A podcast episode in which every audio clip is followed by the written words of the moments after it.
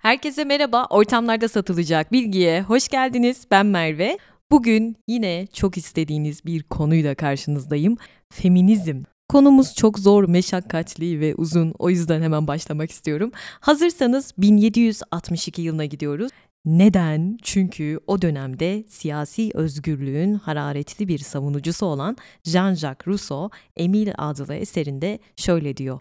Kadınlar sadece erkekleri memnun etmek için eğitilmelidir diyor. Sakin olun, ekrana yumruklamayın ve daha sonra Olympe de Gouges, Fransız kadın oyun yazar, diyor ki hayır kadınlar özgür doğmuştur ve erkeklerle eşittir diyor.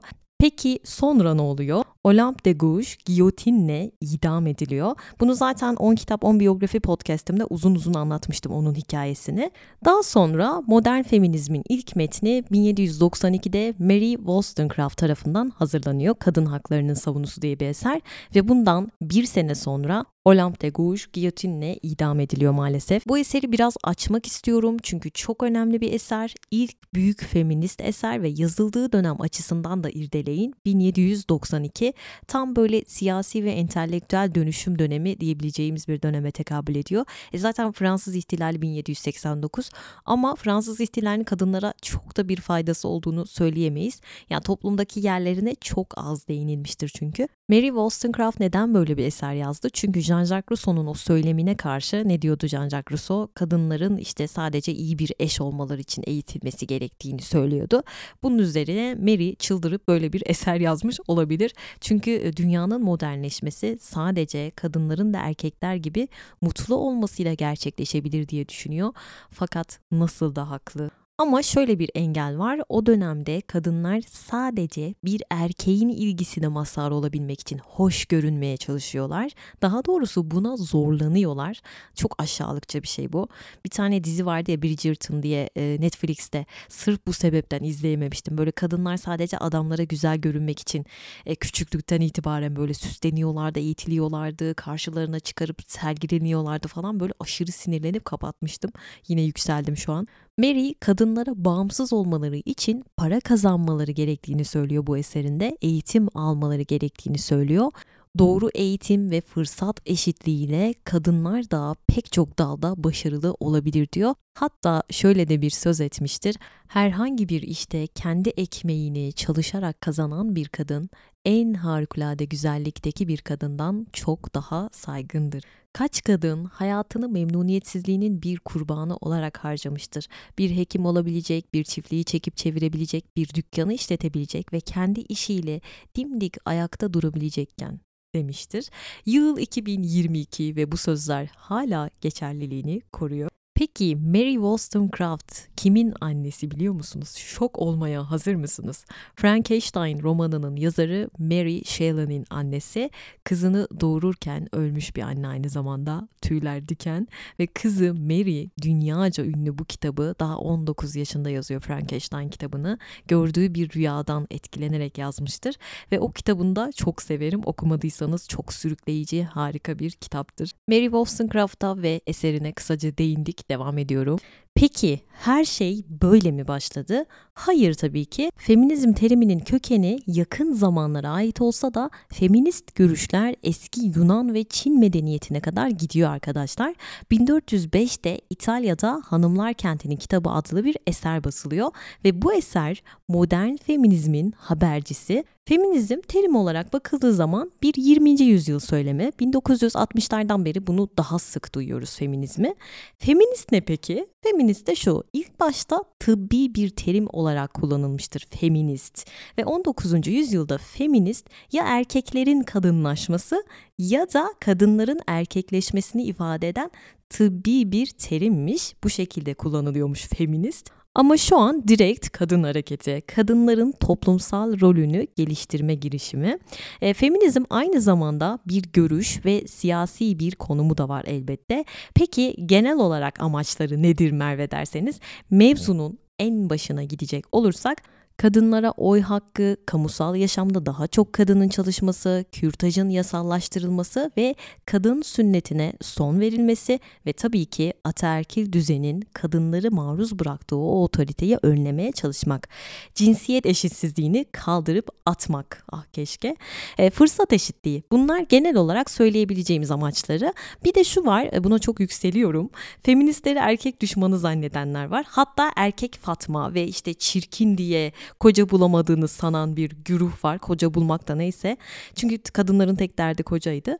Ve bonus lezbiyen zannedenler var. Yani hepsinin lezbiyen olduğunu düşünenler var. Feminizm için tanım olarak şunu diyebiliriz. Cinsiyetçiliği, cinsiyetçi sömürüyü ve baskıyı sona erdirmeyi hedefleyen e, bir harekettir diyebiliriz. Ama şu da var ki feminizm öyle hemen tanımlayayım geçeyim öyle bir şey değil. Oldukça derin bir mevzu. Çünkü çok farklı feminist yaklaşımlar var.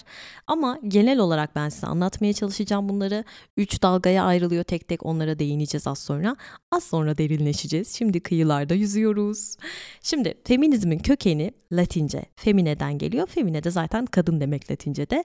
Feminizm üç dalgaya ayrılıyor ve birinci dalgayı anlatmaya başlıyorum hazırsanız. Birinci dalga 19. yüzyılın ortalarında başlıyor. Çünkü kadın hareketi artık bir odak noktasına kavuşuyor. Nasıl? Şöyle Erkeklere tanınan seçme hakkı derece derece genişletiliyor ve kadınlar da bundan ilham alarak oy hakkı verilmesi için kendilerine kampanya yürütmeye başlıyorlar. Verilmesi için dedim, dikkatinizi çekerim. Ve birinci dalgada oy hakkı, eğitim ve mülkiyet hakları için mücadele ediyor kadınlar. Hatta bu dönemin en önemli hadiselerinden biri Britanya'daki sufrajet hareketi. Sufrajet ne? Bu çok önemli. Bunu bilmemiz gerekiyor. Şöyle e, açlık greviyle veya pasif direnişte çeşitli yollarla kadınların seçme ve seçilme hakkını savunan radikal kadın hakları savunularına sufrajet diyoruz ve tabii ki Emmeline Pankhurst ve cesur kızını buradan sevgiyle anıyoruz. Sufrajet deyince Emmeline yani kendisi feminizmin en önemli isimlerinden biri. Daha 14 yaşında bir genç kızken bu yola baş koymuş bir isim. Bu uğurda hapislerde bile yatmıştır canım kadın. Hatta kedi ve fare antlaşmasını hiç duydunuz mu bilmiyorum. Bu da 1913'te cezaevinde olan sufrajetlerin açlık grevine girişiyle çıkmış bir yasa tasarısı kedi ve fare. İşte sürekli açlık grevlerine giren sufrajetlerin yani kadın hakları savunucularının başında da Emmeline Pankhurst var. Sufrajetler çok çok önemli. Kadın hakları uğruna ölmeyi bile göze almışlardır. Emily Davison mesela çok önemli bir sufrajettir ve bu uğurda canını yitirenlerden biri de o olmuştur. 1913 yılında Epsom dergisi yapılırken at yarışı esnasında kendini Kral 5. George'un atının önüne atmıştır ve maalesef bu şekilde hayatını kaybetmiştir.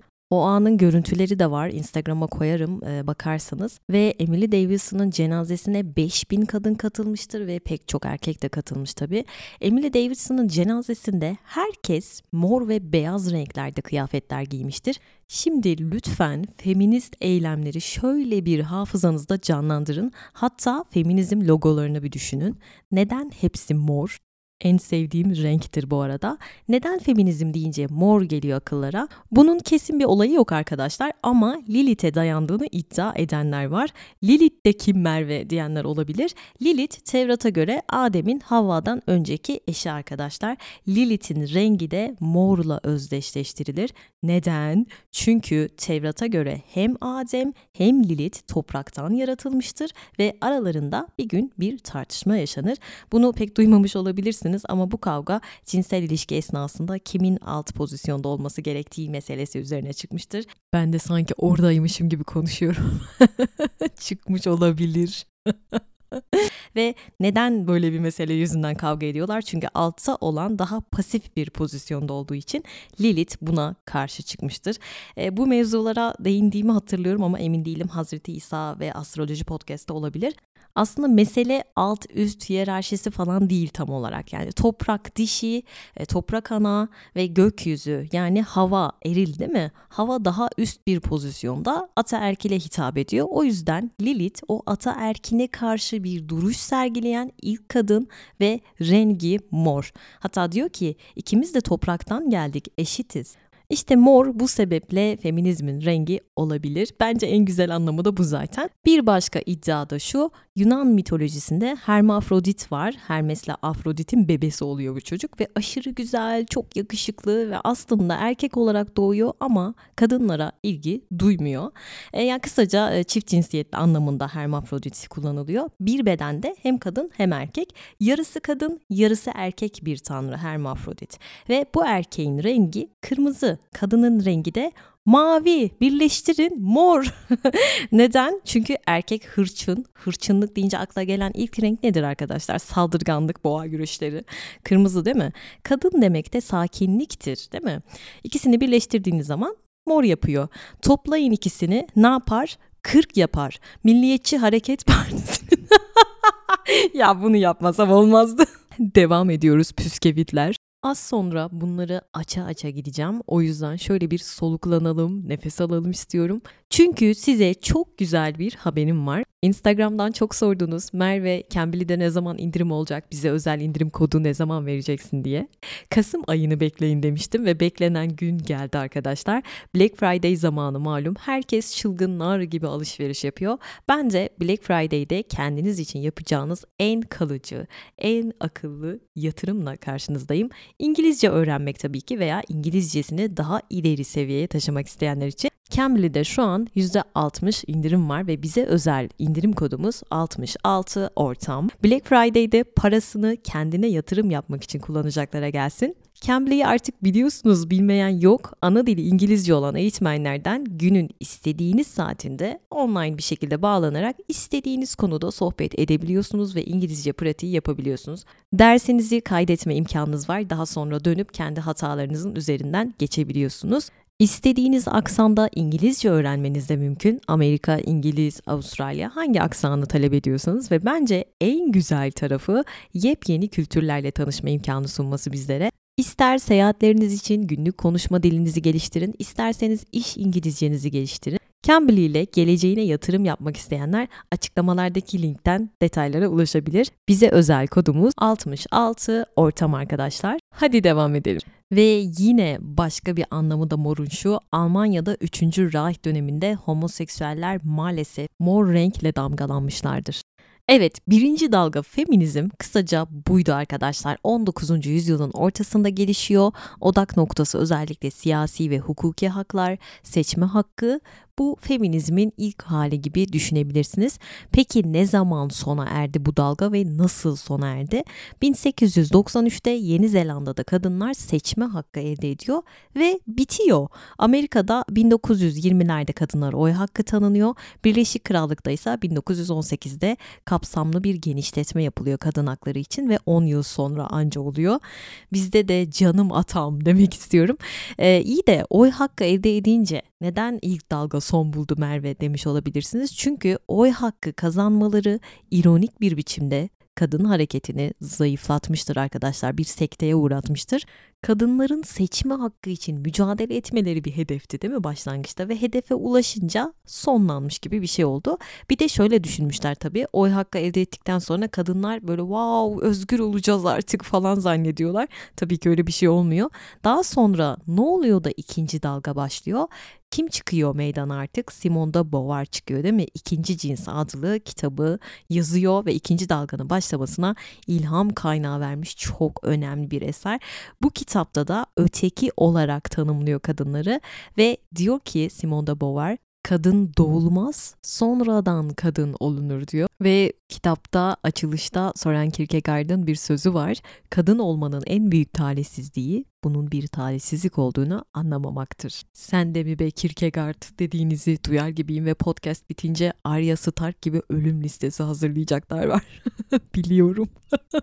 1960'lardan 1980'lere kadar ikinci dalga feministler erkek egemenliği karşısında birinci dalga feministlerden çok daha ağır ve çok daha zorlu bir mücadele veriyorlar. Ve 1963'te Betty Friedan'ın Kadınlığın Gizemi adlı bir eseri yayımlanıyor. Fitili tekrar ateşleyen şey muhtemelen bu olabilir ve ikinci dalganın gündeminde yine eşitsizlikler var, tecavüz var, iş yeri var, aile var, üreme hakları var ve de facto adı verilen kanunen evli olmayıp beraber yaşayan kadınların hakkı mevzusu da var. Bu arada de facto terimi çok kapsamlı. Bu sadece evlilikte olan kısmıydı. Peki 1963'te Betty Friedan'ın yazdığı kitapta ne var? Diyor ki pek çok kadın ev kadını ve annelik rolüyle sınırlandırılmış olmalarının sonucunda engellenmiş ve mutsuzluk hissediyorlar. Altına imza atılacak sözlerden biri. Aslında ikinci dalga feminizmde olay şu. Sadece oy hakkının yani siyasi ve hukuki hakları kazanmış olmanın kadın sorununu çözmediğini fark ettiler. Bu şekilde gelişti. Ve bu sefer feminist fikirler daha radikal ve hatta daha devrimci bir nitelik kazanmaya başladı. Kadınların üzerindeki baskının böyle kişisel, psikolojik ve cinsel boyutları da artık konuşulmaya başlandı ve hedef bu sefer kadının kurtuluşuydu. Ama böylesi bir hedef tabii ki yalnızca siyasi reformlarla, hukuki değişikliklerle olabilecek bir şey değil. Uzun vadeli ve belki de devrimci bir toplumsal değişim gerektiriyor değil mi? İşte birinci dalga feminizm kamusal alanda değişim ve dönüşümü hedefliyordu. İkinci dalga feminizm ise daha özel alanları da kapsıyor. Yani burada kadının anne rolü rolü anne rolü ve ev kadını pozisyonu da var. Hatta ikinci dalganın sloganlarından biri özel olan politiktir. Ve burada özel olarak kastedilen mahrem sayılan kişisel alanlardan bahsediyoruz. Dört duvar arasındaki kadından bahsediyoruz. Kadınlara biçilen bu rollerde politiktir diyor ikinci dalga ve toplumsal yapının bir parçasıdır diyor. Bunu da değiştirmemiz gerekiyor diyor. Bir de şu var tabii birinci dalga feministler o hakları elde edebilmek için şiddete ve sokak gösterilerine falan başvurmuşlardı. Hatta at yarışında kendini atın önüne atarak e, bir nevi intihar eden Emily Davidson'dan bahsetmiştim. Feminizm şehidi sayılıyor. Yani ikinci dalgada artık feminizmin mücadele enstrümanları daha da zenginleşmiş. Sendikalar, sol partiler yani e, örgütleşmeyi kullanıyorlar bir şekilde. Birinci dalgada bunlar çok yoktu fark ettiyseniz. Ve bu dönem için kadın kurtuluş hareketi de denir ikinci dalga dönemi için. Bir de bu dönemden itibaren bir parçalanma süreci başlıyor. Ne demek istiyorum parçalanma derken? E, feminizm artık e, ortak bir zeminde tanımlamak zorlaşıyor feminizmi. Hatta imkansızlaşıyor. Çünkü çok radikal bir değişim sürecinden geçiyor. Nasıl radikal bir değişim bu? Bildiğimiz o çekirdek feminist geleneklere liberal, sosyalist, marksist, radikal feminizm, postmodern feminizm, psikoanalitik feminizm ve siyahi feminizm hatta lezbiyen feminizm gibi dallara ayrılıyor kendi içerisinde. O yüzden ben bugün ne anlatsam size inanın eksik kalacak bir yerlerde. Feministler beni bağışlasın elimden geldiğince anlatmaya çalışıyorum. Oldukça zor, çok derin, çok boyutlu bir konu inanın. E, hepsini anlatmam mümkün değil. Neyse devam edelim. 1960'lara kadar feminizm bir ideoloji mi değil mi bu tartışılıyor ve liberalizmle sosyalizmin bir alt kümesi olarak görülüyor bu dönemlerde. Neden? Çünkü en yakın bunlar cinsiyet sorunlarını çözmek adına. Radikal feminizmin yükselişi tabii bunu da değiştiriyor. Çünkü radikal feminizm toplumsal cinsiyet bölünmelerini çok önemsiyor ve bütün bunların köklerinin de ev hayatının yapılarında bulunduğuna inanan bir feminizm biçimi ve radikal feminizme göre kadın sorununun temelinde ataerkillik ve patriarka var. Az sonra ataerkilliğe geleceğim zaten. Yani erkeklerin kadınları menfaatleri doğrultusunda sömürmelerine karşılar temelden ve hiçbir sınıfsal ayrım gözetmiyorlar tüm dünya kadınlarının aynı şekilde ezildiğini düşünüyorlar. Radikal feminizmin öncülerinden biri de Simone de Beauvoir zaten. Ve radikal feminizmin en temel özelliği şu, cinsiyet temelli baskının toplumun en temel niteliği olduğunu düşünüyorlar. Yani işte sınıf sömürüsüymüş, ırkı nefretmiş e, ya da işte benzeri tüm adaletsizlik tipleri. Bunlar düpedüz ikinci derecede kalır diyorlar. En temelde en başta cinsiyet temelli eşitsizlik var diyorlar toplumsal cinsiyetin en derin ve siyasi açıdan da en anlamlı toplumsal bölünme olduğunu düşünüyor radikal feministler. Ve dediğim gibi radikal feminizm deyince ataerkilliği pas geçmemiz namümkün. Çünkü radikal feministler için ataerkillik sistematik, kurumsallaşmış ve nüfuz edici toplumsal cinsiyetin baskısını anlatıyor. Ve ataerkillik aslında kökenleri ailenin yapısında böyle ev içinde kişisel hayatta yatan siyasi, kültürel bir baskı sistemi. Dolayısıyla kadınların kurtulması için ne gerekiyor? Bu ataerkil yapının ya yıkılması gerekiyor ya da değişmesi gerekiyor. Bunun için ne gerekiyor? Toplumsal bir devrim tabii ki. Bir de feministler ataerkilliği erkeklerle kadınlar arasındaki o iktidar ilişkisini betimlemek için kullanıyorlar. Zaten bu terim sözlük anlamıyla baktığımız zaman ata yani baba tarafından yönetim demek. Latince'de baba ata anlamına gelen pater, patriarka diyoruz ya peder, pater oradan geliyor. Hatta bazı feministler babanın aile içindeki o pozisyonu var ya hakimiyet pozisyonu. Bunun diğer tüm kurumlardaki erkek egemenliğini sembolize ettiğini söylüyorlar. Ama 20. yüzyılın sonuna baktığımız zaman tablo o kadar kötü değil arkadaşlar. Yani kadınların toplumsal durumuna baktığımız zaman oy hakkının elde edilmesi, eğitim görme imkanlarının genişlemesi önceden bunlar daha mümkündü. Evlilik ve boşanma hukukundaki değişimler, kürtajın yasallaşması ve benzer gelişmeler e, bayağı iyileştirilmiş diyebiliriz. Ama gelişmekte olan böyle dünyanın çeşitli bölgelerine baktığımız zaman ataerkillik hala çok korkunç bir biçimde varlığını idame ettiriyor. Afrika'da 80 milyon kadın sünnet ediliyor. Hindistan'da çocuk gelinler var. Hala istenmeyen kız çocukları dünyanın bazı bölgelerinde ölüme terk ediliyor hala cadı avı yapılıp kadınların yakıldığı ülkeler var ya Papua Yeni Gine mesela ve çok değil bir ay önce İran'da başörtüsünü takmadığı gerekçesiyle Mahsa Amine adlı bir genç kadın polis tarafından dövülerek öldürüldü maalesef. Hatta geçen erkeklere sordum Instagram'dan bir anket yaptım. Dedim ki kadınlar bir günlüğüne yeryüzünden yok olsalar, kaybolsalar ne yapardınız dedim. Gelen cevaplardan biri şuydu en azından bugün bir kadın öldürülmedi diye o gece rahat uyurdum demiş birisi. Düşündürdü gerçekten. Hatta burada gelen cevapları paylaşsam iyi olur diye düşünüyorum bu bölümde. Eğer vakit kalırsa paylaşacağım. Neyse ataerkillik diyordum. Bu arada tüm feministler ataerkilliğe aynı şekilde bakmıyor arkadaşlar. Hepsinin görüşü farklı. O yüzden feminizmi anlatmak çok zor. Mesela liberal feministlerin ataerkillikten kastı siyaset ve iş dünyası yani meslekler ve genel olarak kamusal hayatın o yüksek makamlarında neden kadınlar az sorusuna cevap arıyorlar. Sosyalist feministlere bakıyoruz onlar ataerkilliğin ekonomik yönlerine vurgu yapıyorlar. Sorun diyorlar kapitalizm. Sosyalist feministler bunu söylüyor. Radikal feministlere göre az önce söyledim ataerkillik erkek iktidarının köklerinin ailede olan o sistematik kurumsallaşmış bir biçimi değil mi? O yüzden gördüğünüz gibi farklı farklı görüşler var. Gelelim feminist karşıtı söylemlere genelde muhafazakarlarla özdeşleştirilen bir söylem var. Kadınlar ve erkekler yalnızca doğanın onlara biçtiği o toplumsal rollerin gereğini yerine getirirler. Yani bir kadının fiziki yapısı, işte anatomik yapısı onu evle sınırlayan bir role sokar diyorlar. Yani biyolojimizin kaderimiz olduğunu söylüyorlar. Ee, çocuk doğurmak biyolojik olarak tabii ki de sadece kadınlara mahsus bir şey.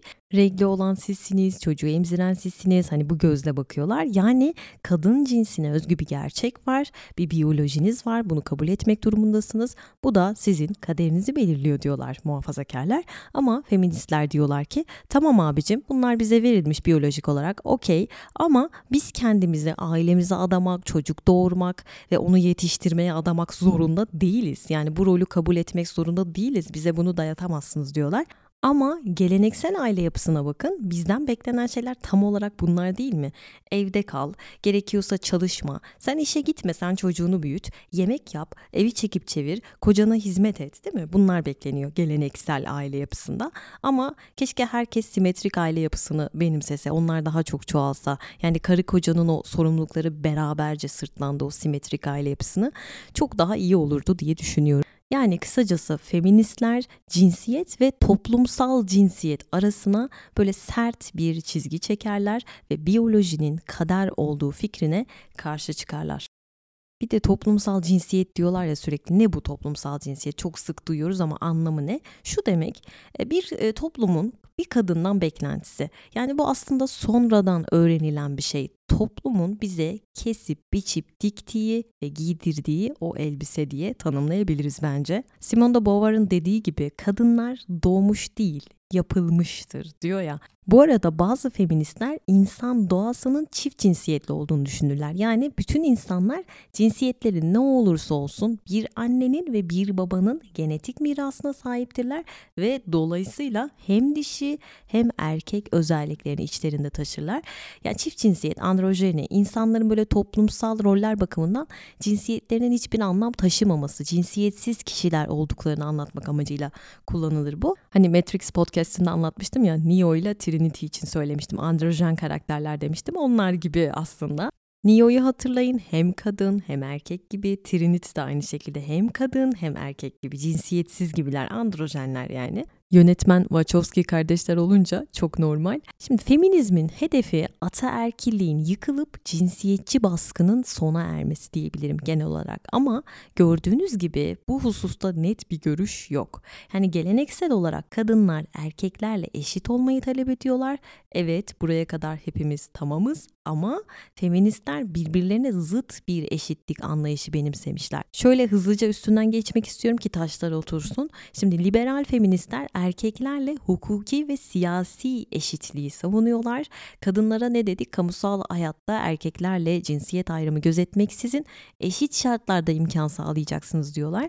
E, sosyalist feministlere bakıyoruz. Bunların aksine diyorlar ki kadınlar toplumsal eşitlikten yararlanmadıkça eşit haklar da bir anlamsız. Hiçbir anlamı yok. E, bu anlamda eşitlik ekonomik iktidar koşulları ile ilgili olmalıdır.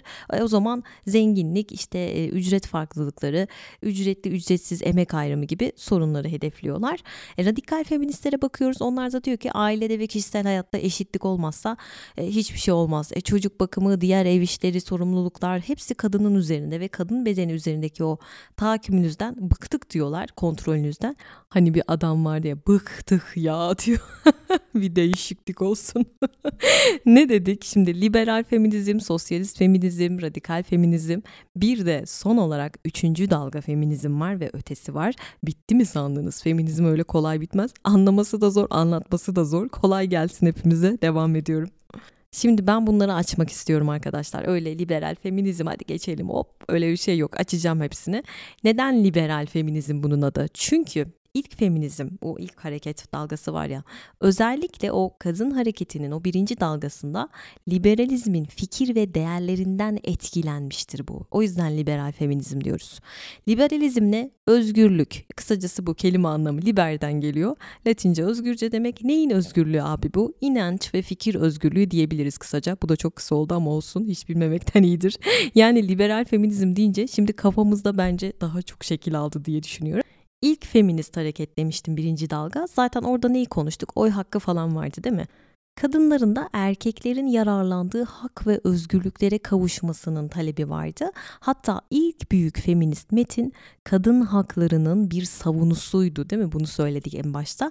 Ve burada kadınların da insan oldukları gerekçesiyle erkeklerle aynı hak ve ayrıcalıklara sahip olması gerektiğini yazmış yazar. Bunu söylemek bile gerçekten çok acı. İnsan olduğumuz için sizinle aynı hakları talep ediyoruz. Çok can yakıcı bir cümle bu. İkinci dalga feminizmde önemli bir liberal bileşene sahip. Yani liberal feminizm 1960'larda ne dedik? Kadınlığın Gizemi adlı bir eserden bahsettim değil mi? Betty Friedan'ın eseri. Betty Friedan aynı zamanda 1960'larda en büyük kadın örgütünün başındaki kurucudur aynı zamanda ve bence bu Kadınlığın Gizemi adlı bir kitabı var ya bu kitapta şöyle bir cümle geçiyor sadece bunu söylemem bile yeterli. Kadınlara diyor ki 24 saat annelik, aşçılık, temizcilik işini bırakın, kendiniz olun. Bir doktorla evlenmeyi hayal etmek yerine kendiniz doktor olun diyor.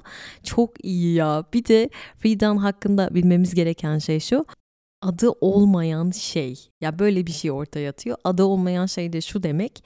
Birçok kadının ev hayatına hapsedilmiş olması nedeniyle kendilerini gerçekleştirme imkanı bulamamaları ve bundan dolayı o yaşadıkları umutsuzluk ve mutsuzluk.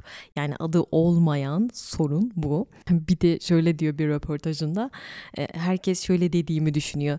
Dünya kadınları toplanın. Kocalarınızdan başka kaybedecek hiçbir şeyiniz yok. Hayır bu doğru değil. Elektrik süpürgelerinizden başka kaybedecek hiçbir şeyiniz yok. Lol. Ben de burada şunu söylemek istiyorum. Hiçbir zaman pencerelerinizin sizden daha parlak olmasına izin vermeyin. Kapa parantez. Bir de liberal feminizmin felsefi boyutu var arkadaşlar. Ona da değinelim. Bireyselcilik yani insan bireyinin en önemli varlık olduğu ve bu nedenle bütün bireylerin eşit ahlaki değerlere sahip olduğu inancı bu.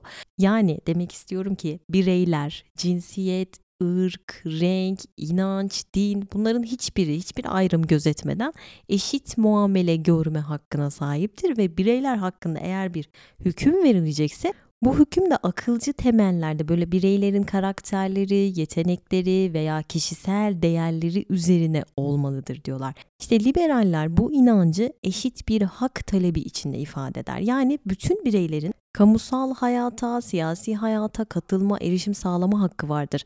Kadınlara karşı her türlü ayrımcılık bu nedenle yasaklanmalıdır. Bakın bu önemli. Bu noktada aslında John Stuart Mill'e de girmek gerekiyor ama girersek çıkamayız. Eşit yurttaşlık, siyasi hak iddiasını ortaya atmıştı biliyorsunuz ve kadın haklarını, o cinsiyet eşitliğini ilk savunan filozoflardandır. O zaman kısaca liberal feminizm ne diyoruz? 1970'lerde ortaya çıktı. Kadının sadece evinde, özel alanda sınırlı kalmasına karşı çıkıyorlar. Birey olarak kadınların kendini geliştirecek bir potansiyele sahip olduğunu söylüyorlar ve bunun gerekli olduğunu söylüyorlar. Gelelim sosyalist feminizme. Bunu da biraz açacağım. Bu da 20. yüzyılın ikinci yarısında böyle bir tık öne çıkıyor. Ee, şöyle ki sosyalist feministler daha çok böyle cinsiyetler arasındaki o ilişkilerin köklerinin toplumsal ve ekonomik yapının içinde yattığını söylerler. Yani gerçekten derinlemesine toplumsal bir devrim olmadığı sürece, toplum kökten değişmediği sürece kadınlar özgür olamaz abi diyor sosyalist feministler. Bir devrim gerekiyor diyorlar. Sosyalist feminizm deyince Frederick Engels'in ailenin ve özel mülkiyetin devletin kökeni adlı eseri en önemlilerinden. Engels bu eserinde diyor ki kadının toplumdaki konumunun işte kapitalizm, özel mülkiyet bunların gelişmesiyle temelden değiştiğini belirtiyor. Yani kapitalizm geldi her şey kökten değişti diyor. Hmm, sosyalist feminizmden bahsediyorum. Neden? Çünkü kapitalizm öncesi toplumlara baktığınız zaman aile hayatı nasıldı? Şöyle bir düşünün nasıldı? Komünistçeydi değil mi? Ana soyluluk vardı. Kapitalizm gelince ne oldu? Özel mülkiyet erkekler tarafından sahiplenildi. Daha sonra ne oldu? Ana soyluluk dediğimiz şey yerle yeksan oldu. Engels'in kadın cinsiyetinin dünya tarihsel yenilgisi dediği şey maalesef gerçekleşmiş oldu. Zaten sonraki pek çok sosyalist feminist gibi Engels de o kadın üzerindeki baskının aile kurumu üzerinden işlerlik kazandığını düşünüyor. Neden? Çünkü Burjuva ailesi ne yapıyordu? Ataerkildi ve baskıcıydı. Çünkü erkekler mülklerinin yalnızca kendi oğullarına geçmesini, bunun güvencesini istiyorlardı. Sosyalist feministlerin çoğu kadınların ev işi ve analıktan oluşan hayatıyla sınırlandırılmış olmalarını kapitalizmin çıkarlarına hizmet ettiği konusunda görüş birliği içerisindedirler. Yani şunu demek istiyorum. Bazıları kadınların ihtiyaç o anlarında işte üretimi artırmak istedikleri zaman falan iş gücüne katılmalarını istiyor ama çöküş zamanında baktığınız zaman işverenlere yük, devlete yok hiçbir getirisi yok istemiyorlar yani kolaylıkla işten çıkarıyorlar ve ev hayatına geri şutluyorlar, paslıyorlar. Bir yedek emek ordusu diyor sosyalist feministler buna. Hatta daha da ileri gideyim yetmez. Diyorlar ki çocuk doğurarak siz kadınlar kapitalizmin işçilerinin gelecek kuşaklarını yetiştiriyorsunuz diyorlar.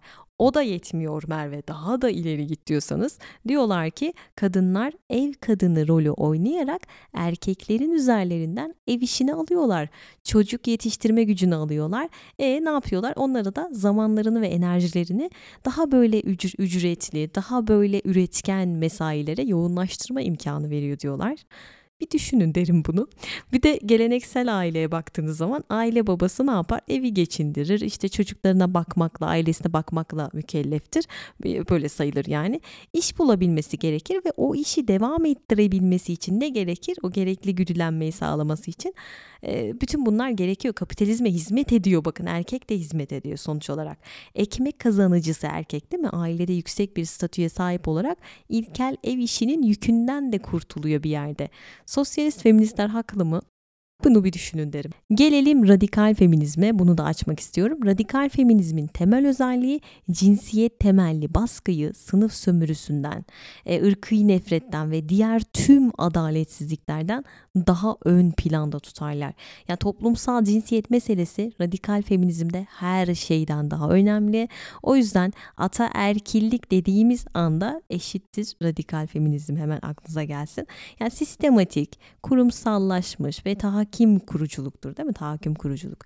Radikal feministlerin çoğu için ataerkillik kökenleri aile yapısında, ev içinde ve kişisel hayatta yatan aslında böyle bir siyasi, kültürel bir baskı sistemidir. Dolayısıyla kadının kurtuluşu bu yapıların yıkıldığı ve değiştirildiği bir toplumsal devrimi gerekli kılar. Ve böyle bir hedef insan doğasının özünde çift cinsiyet olduğu varsayımına dayanıyor dedik. Androjen dediğimiz mesele. Bir de radikal feminizm kadınlarla erkekler arasında temel ve değiştirilmesi mümkün olmayan farkı da vurgular. Bu da şudur, doğurganlığın ve analığın olumlu erdemlerini yüceltirler. Hatta derler ki kadınlar daha çok erkek gibi olmaya uğraşmasınlar. Bunun yerine kadınlar kendi kız kardeşliklerini, onları tüm kadınlarla birbirlerine bağlayan o bağların farkına varmalılar. Bunu kucaklamalılar. Siz erkekleşmeyin diyorlar radikal feministler. Hatta kadınların erkeklerden daha yaratıcı, daha duyarlı, daha şefkatli niteliklerine sahip olduklarını söyleyerek onları daha üstün bir konumda olduklarını söylerler. Yani siz erkeklerden aşağıda falan değilsiniz. Siz daha yücesiniz. Çünkü daha yaratıcısınız, daha duyarlısınız derler. O zaman şöyle bir toplayacak olursam radikal feminizmle liberal feminizmin farklarını mukayese edelim. Kafamızda otursun. Şimdi liberal feminizm kadınların özgürleşmesini söylüyor. Radikal feminizm kadınların kurtuluşu diyor. Liberal feminizm toplumsal cinsiyet eşitsizliği diyor. Radikaller ataerkillik diyor. Liberal feminizm bireyselcilik der, radikal feminizm kız kardeşlik der. Liberal feminizm kamusal özel ayrımı der. Radikal feminizm özel alanı dönüştürelim der. Kısaca böyle özetleyebilirim. Geliyorum üçüncü dalgaya arkadaşlar. Feminizm ve ötesi üçüncü dalga. Şimdi buraya kadar anlattıklarımdan yola çıkarak şunu söyleyebilirim. 1970'lerden bu yana feminizm liberal, sosyalist ve radikal gelenekler arasında gördüğünüz gibi üçlü bir bölünme yaşamış ve analizi zor. Öyle feminizm deyip hop geçip içinden çıkamıyoruz. Üçüncü dalga feminizme baktığımız zaman bu da 90'lardan beri benimseniyor. Burada da şu var arkadaşlar kimlik ve kadın kimliklerinin yapılandırılması diyebiliriz. Bu süreçteki o sorunlarla ilgilenir üçüncü dalga. Bir de en önemli noktası şu, ikinci dalganın başarısız olduğu bazı noktalar var, oraya eğilmiştir en önemli noktalarından biri de şu ki feminizmin farklı kimliklere sahip kadınları da kapsaması. Ne demek istiyorum? Kadınların farklı ten rengi olabilir, siyahi olabilir, milliyeti farklı olabilir, dini farklı olabilir, kültürü farklı olabilir. Bunları da mensup kadınlar var. Hepsini kapsamaya çalışıyor. Bu arada zaten ikinci dalganın başarısızlığı da buydu. E, ya ikinci dalga feministler evet ırkçılıkla mücadele ettiler. Okey ama siyahi kadınlarla öyle omuz omuza duramadılar. Bu konuda çok başarılı başarılı olamadılar. Hatta siyahi kadınlar ciddi ciddi kendilerini dışlanmış bir şekilde buldu. E bir de şöyle bir durum var. Beyaz kadınların istediği şey neydi? Ev sahası dışında da çalışmak istiyorlardı. Bu hakkı elde edebilmek istiyorlardı. E iyi de siyahi kadınlar zaten dışarılarda çok uzun saatler boyu çalışıyorlar. Yani aynı pencereden bakamazlar. Anlatabiliyor muyum? Kapsayıcı değil. Bir de şu var hani feministleri böyle mutsuz, lezbiyen, erkek düşmanı diye yaftalayan bir güruh var. İşte onlar bu zamandan sonra ivmelenmiştir ve maalesef ikinci dalganın ivme kaybetmesine yol açmıştır. Üçüncü dalgada ikinci dalgada benimsenen kadın kelimesinin yerine artık kız kelimesi alıyor arkadaşlar. Hatta işte makyaj yapmayı, topuklu ayakkabılar giymeyi, aşırı aşırı kadınsı görünmeyi hem de kız gibi görünmeyi önemsiyorlar. Kız gibi derken ne demek istiyorum?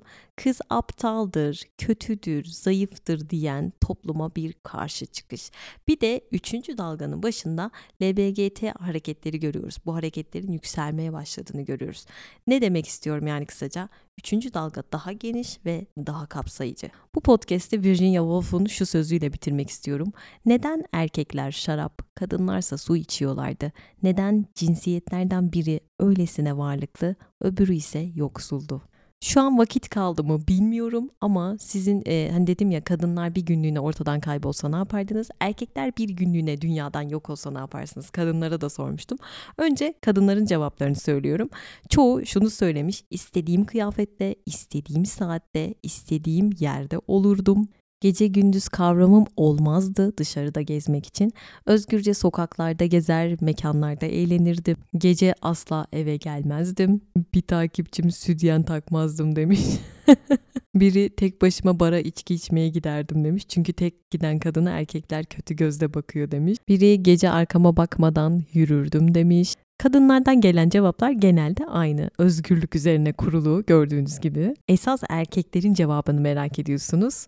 Şöyle ne yapacağımı şaşırırdım. Hiçbir şey yapmadan kafamı dinlerdim. Kız arkadaşımdan kısıtlama gelmeyeceği için arkadaşlarımla bütün gün gezerdim. Zaten askerdeyim demiş biri. bir kez daha değerinizi anlamış olurdum derin bir boşluk hissiyle. Bir yere gidemezsiniz çünkü kalbimdesiniz sürekli demiş birisi. Taş devrine dönerdik, uzun eşek oynardık, depresyona gireriz demiş biri. Kadınsız hiçbir anlamı olmazdı bu dünyanın demiş biri. Çiçeksiz, ağaçsız, ormansız dünya bir günde ne olursa biz erkekler de öyle kalırdık bir günde demiş. Biri demiş ki bizi bulmaya çalışır kadınlar. Emin misiniz? 15 dakika düşündüm ve bulamadım. Kadınsız biz hayalsiziz hiçiz demiş. Ya biri demiş ki renkli ve beyaz çamaşırları ayırıp yıkardım. Daha sonra yemeğimi yapar, film açar, izlerdim. Çocuklara bakardım demiş birisi. Biri bizsiz yaşayamazsınız abi demiş. Aklıma Kadınlar Ülkesi kitabı geldi şu an. Biri homoseksüelim ve çok mutlu olurum demiş. Yalnız aşırı haklı. Bütün erkekler onlara kalacak. Oturur ağlardım diyenler var. Evde otururum çünkü dışarıda görmeye değer bir güzellik kalmamış demektir demiş biri. Ahıra hoş geldiniz diyen var. Çoraplarımı salonun ortasına atardım. Eminim hepiniz bunu istiyorsunuz hep. Temizlik, yemek yapma, çocuk bakma gibi eylemleri daha önce hiç yapmamış erkekleri YouTube'dan izlerdim. Biri demiş ki diğer erkeklerden saklanırdım. Erkeklerin cevabı çok iyi. Bu arada ben bunları bilerek okumadım. Podcast'ta okuyayım ki dedim hani daha eğlencesi kaçmasın diye. Biri saçımı yapmadan evden çıkardım demiş. Biri demiş ki yatar uyurdum ve dünya savaşı çıkmadan gelmeleri için sabaha kadar dua ederdim.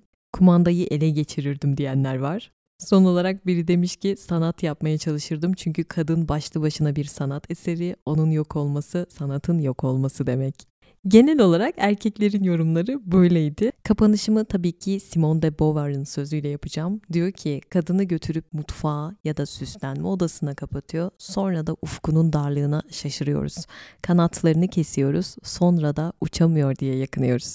Beni Instagram'da takip etmek isteyenler için adresimi aşağı linke açıklama olarak bırakıyor olacağım. Merve biz de buradayız ve seni dinliyoruz demek isteyenler bana bu adresten ulaşabilir. Camblen'in Black Friday'e özel %60 indirimini kaçırmayın derim. Bize özel kodumuzsa 66 ortam açıklamalardaki linkten detaylara ulaşabilirsiniz. Haftaya çarşamba günü tekrar görüşmek üzere. Hoşçakalın kendinize iyi bakın bay bay.